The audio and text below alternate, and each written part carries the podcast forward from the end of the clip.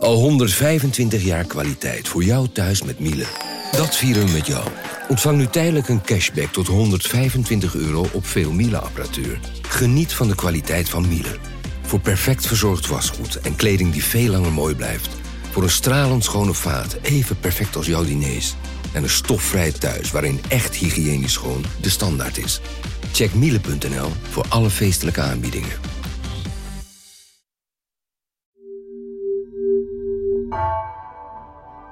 Vanaf de redactie van NRC, de zomer van vandaag. Mijn naam is Geertje Tunter.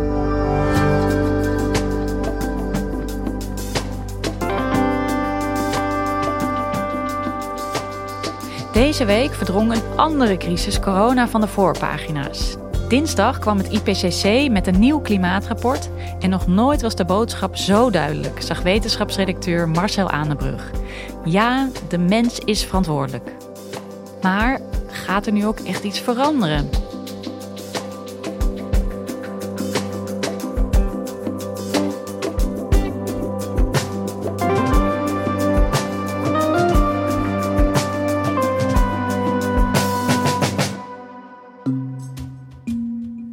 Deze week belden mijn collega Paul Luttekhuis en ik met Arthur Petersen, klimaatwetenschapper en filosoof, die zich op dat moment op het Franse platteland op zijn vakantieadres bevond. Ik vond het schitterend.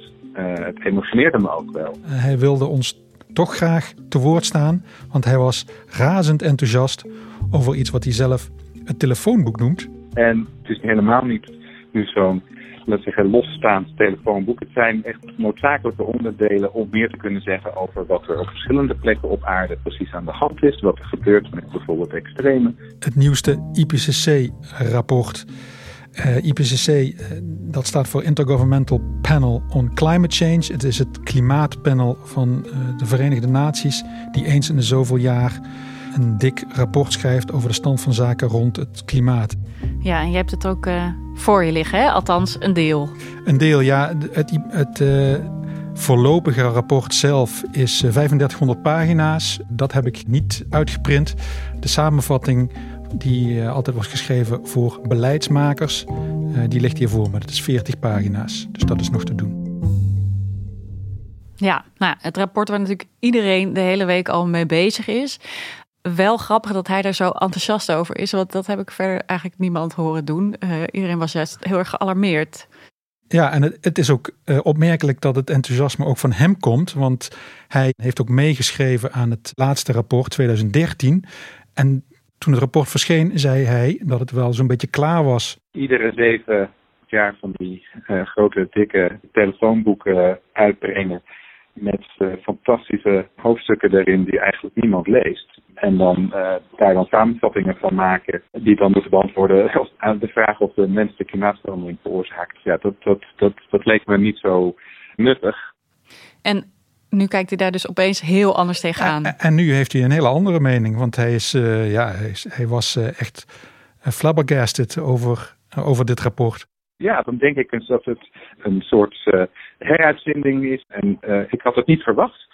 En het is zeer de moeite waard dat dit nu is gebeurd. Ja, nou, ja, dat is natuurlijk wel opvallend. Maar is dit rapport dan zo ontzettend vernieuwend? Niet eens, want we weten wat het broeikaseffect is. We weten wat broeikasgassen doen. Dat weten we eigenlijk al meer dan 100 jaar. En dat hebben we de afgelopen maanden ook wel in het nieuws kunnen volgen. The UN Climate Panel predicts the coming decades will bring more extreme weather events like the floods and wildfires we've seen in the past weeks. Meer hittegolven, meer hoosbuien, meer bosbranden. Nederland krijgt vooral te maken met een verdere stijging van de zeespiegel. Die gaat steeds sneller. Oceanen warmen op, verzuren, de zeespiegel stijgt. The UN Secretary General called the findings a code red for humanity, adding that it must be a death knell for coal and fossil fuels. Dat, dat zijn allemaal dingen. Als je het rapport van 1990 leest, daar zijn al projecties gemaakt met verwachting dat de temperatuur rond 2025 met ongeveer 2 graden zal zijn opgewarmd. En daar, daar, daar zitten we nu, uh, nou nog, nog niet helemaal, maar ongeveer die range. Als je kijkt met wat voor zeespiegelprojecties, die kloppen ook al min of meer. Het staat er eigenlijk allemaal al in. Het staat er allemaal al in. En Arthur Petersen uh, die zegt dat ook. Wetenschappelijk is er nu niet zo heel veel nieuws. Wetenschappelijk is er niet opeens iets nieuws ontdekt. Dus, er zijn verschillende dingen die natuurlijk in de wetenschap zijn veranderd. We hebben meer geleerd over de extreme en hoe je die toe kan schrijven aan de mens uh, en, en, en, en, nog een paar dingen. Maar een heleboel van de hoofdconclusies die hadden we ook al op dezelfde manier op kunnen schrijven uh, op basis van de onderliggende hoofdstukken uh, van 2013. En als het allemaal niet zo nieuw is, waarom is Arthur Petersen dan nu zo enthousiast? Nou, dat heeft dan vooral met de vorm en de organisatie te maken, zegt hij. Uh, die vorige rapporten kon je door de bomen het bos niet meer zien. En nu komt de hoofdboodschap gewoon volstrekt duidelijk naar voren. En dat had ook te maken met de strakke organisatie, met de uitmuntende voorzitter. En waar zit hem dat dan in? Want hoe is hè, het IPCC in eerdere editie in ieder geval, hoe, hoe zat die organisatie in elkaar? Nou, het is eigenlijk niet meer dan een klein secretariaat in Genève. En die coördineren de boel. En dat, dat wil zeggen dat zij honderden wetenschappers over de wereld voor ieder rapport bij elkaar brengen. En die honderden wetenschappers die screenen dan uh, de wetenschappelijke literatuur die op dat moment beschikbaar is. En nou ja, dat, dat vatten zij dan samen. Ja. Um, en dat zijn nou, duizenden, duizenden publicaties. Voor dit rapport hebben ze, als ik het goed zeg, 14.000 publicaties uh, ja. moeten doorwerken. Dus dat is een enorme hoeveelheid. Gigantische en, pool mensen die door een gigantische pool informatie vrijwillig. gaat. Dus dat is een, een, een zeer tijdrovende klus die de mensen doen. Uh, vaak, uh, ja, het is onbezocht. Het is vrijwilligerswerk. Je, doet het, uh, je wordt vaak ook niet vrijgesteld van onderwijstaken als je werkt aan de universiteit. Dus het is een soort liefdewerk uit papier, een rol die, die je dus moet roleren. Dat moet je niet, dat moet zeggen, dezelfde persoon de hele tijd laten doen. Ja, en zij werken dan samen aan het IPCC-rapport. Ja, en dan is er inderdaad nog een punt. We hebben het hier eigenlijk steeds over het IPCC-rapport, maar dat is het niet.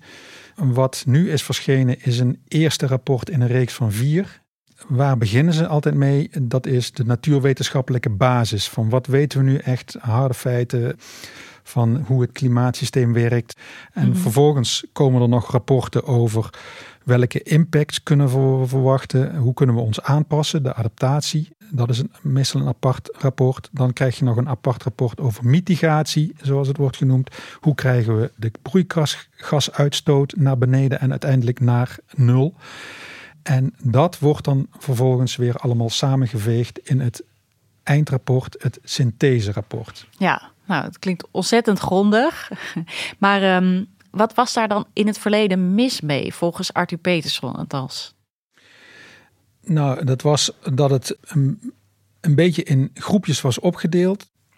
Degene die het, dit rapport mm -hmm. uh, maakten, die hebben heel veel te maken met kansberekening. En kleine kans op hele erge dingen. Bijvoorbeeld dat de ijskappen helemaal afsmelten. En dat, dat berekenden ze dan. En, en, maar, maar ze waren bang dat andere groepen daarmee aan de haal gingen. Dus ze waren heel voorzichtig om dat ook erin te schrijven. En nu, nu hebben ze dat er dus wel uh, ingezet. En dat, dat vindt Arthur Petersen dus een hele goede zaak. Nu, uh, daarentegen, is er expliciet aandacht besteed aan de onzekerheid, aan dan zeg ik, dingen met een lage kans, maar een hele grote impact. En die zijn wel degelijk van belang. En daar eerlijk bij te zeggen, jongens, dit heeft een kleine kans. We kunnen het niet inschatten, maar het hoort wel bij de risicobeoordeling.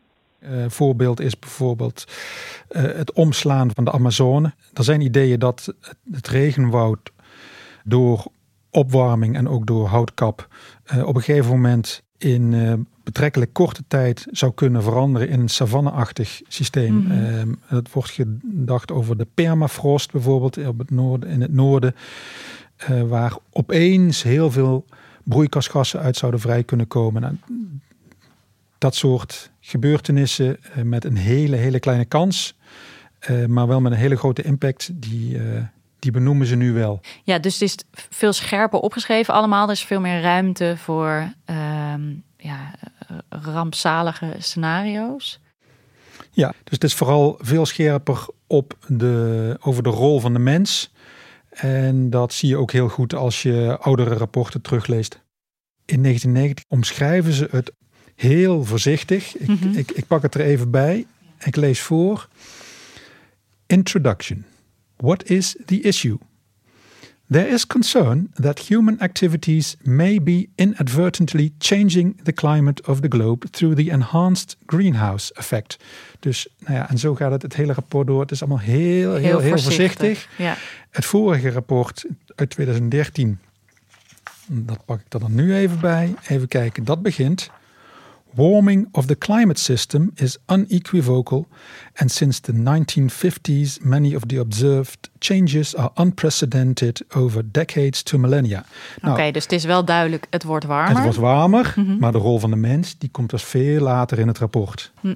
Ehm, en dan pak ik nu het laatste rapport of de samenvatting van het rapport erbij. Zin 1. It is unequivocal that human influence has warmed the atmosphere, ocean and land. Dat is gewoon de eerste zin. Dat is de eerste zin. Zin 2. Widespread and rapid changes in the atmosphere, ocean, cryosphere and biosphere have occurred. Ja. Nou, dat laat niks te wensen over. ja, het is gewoon duidelijk, de mens is verantwoordelijk. Ja, Ja, het is natuurlijk goed, denk ik, dat het IPCC dat allemaal veel scherper opgeschreven heeft. Maar in principe is die kernboodschap hetzelfde gebleven hè, als in de voorgaande rapporten. Wat voor effect hebben die rapporten nou gehad? Ehm, ja, je ziet het eh, langzaam veranderen. In 1990, toen het eerste rapport werd uitgebracht, waren er nog eh, gemengde berichten. De Volkskrant schrijft theorie over broeikaseffect nog zeer wankel. Een andere kop, het milieu als modeverschijnsel. Dat soort dingen. Dus er werd in die tijd toch nog wel ernstig getwijfeld over... bestaat het broeikaseffect en is de mens daar eh, verantwoordelijk voor? Ja, met de blik van nu is dat wel heel moeilijk voorstelbaar. Ja, precies.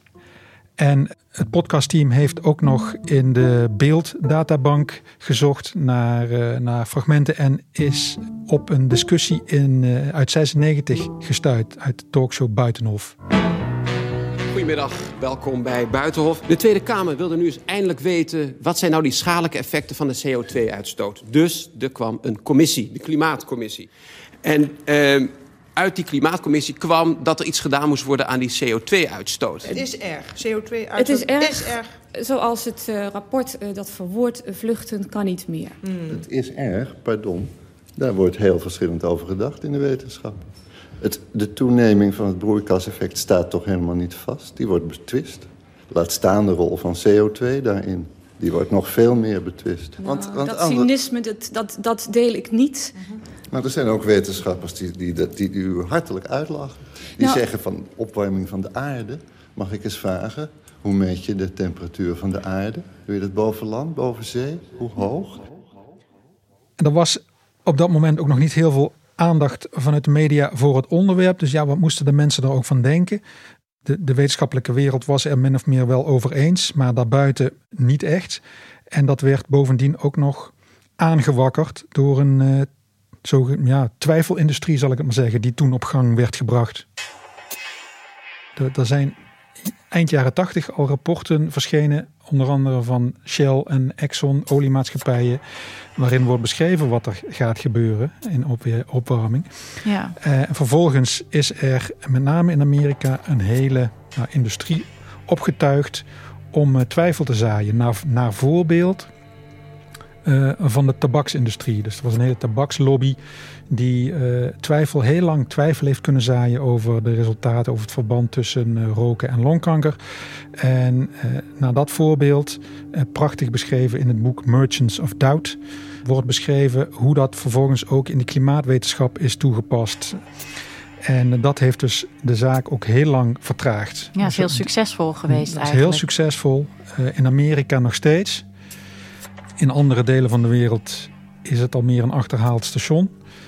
Maar goed, dat heeft wel zeker een rol gespeeld. Gaandeweg is, de, is het bewijs voor die klimaatopwarming natuurlijk harder en harder geworden. Ehm, er zijn ook steeds meer verdragen afgesloten. Je had in 97 al het Kyoto-protocol voor de rijke landen om te proberen de broeikasgassen naar beneden te krijgen. En eh, nou ja, de, de grote klapper is 2015 met het Parijsakkoord. L'accord de Paris pour le climat est accepté.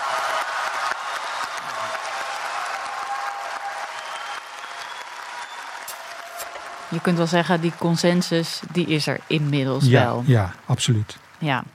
En hè, als je dan naar zo'n rapport kijkt, uh, ja, het is natuurlijk een middel hè, en geen doel. Dus uh, wat ik al eerder zei, het is mooi dat het zo scherp is opgeschreven.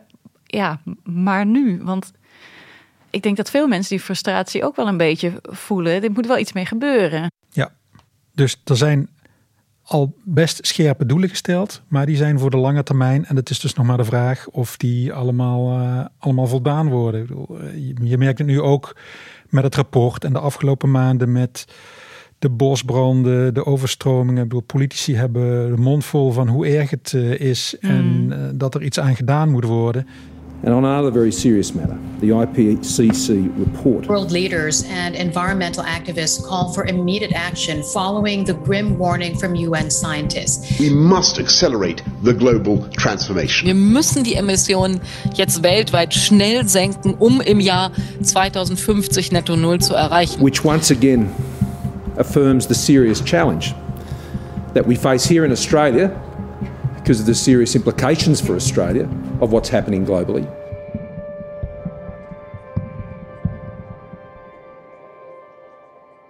Uh, maar dan moet het vervolgens ook wel gebeuren.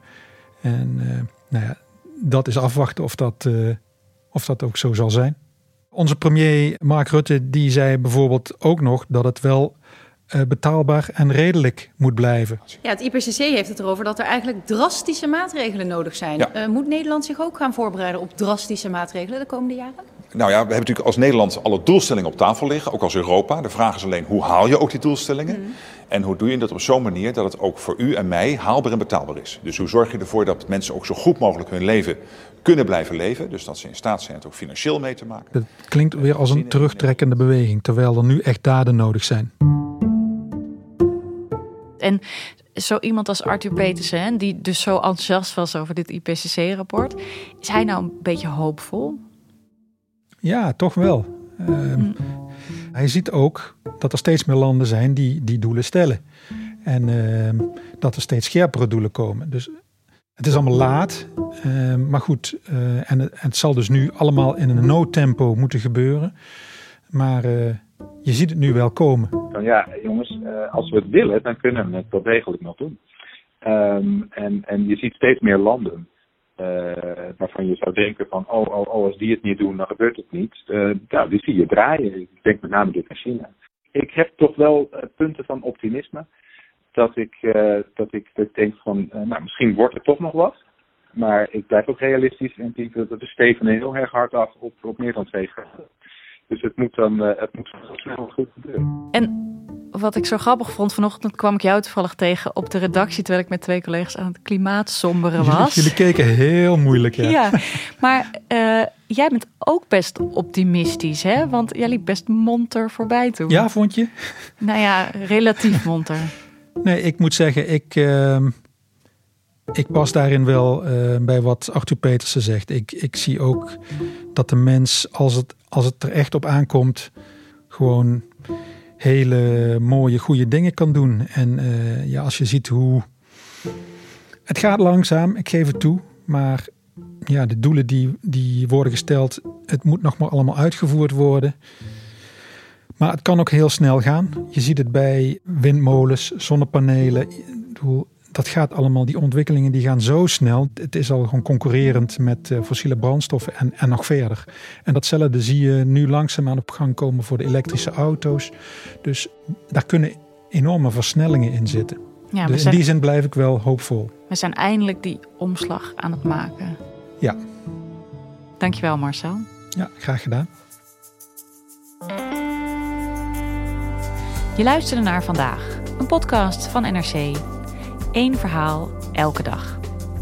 Deze aflevering werd gemaakt door Esme Dirks, Henk Ruigrok van der Werven en Jeppe van Kesteren. Dit was vandaag, morgen weer.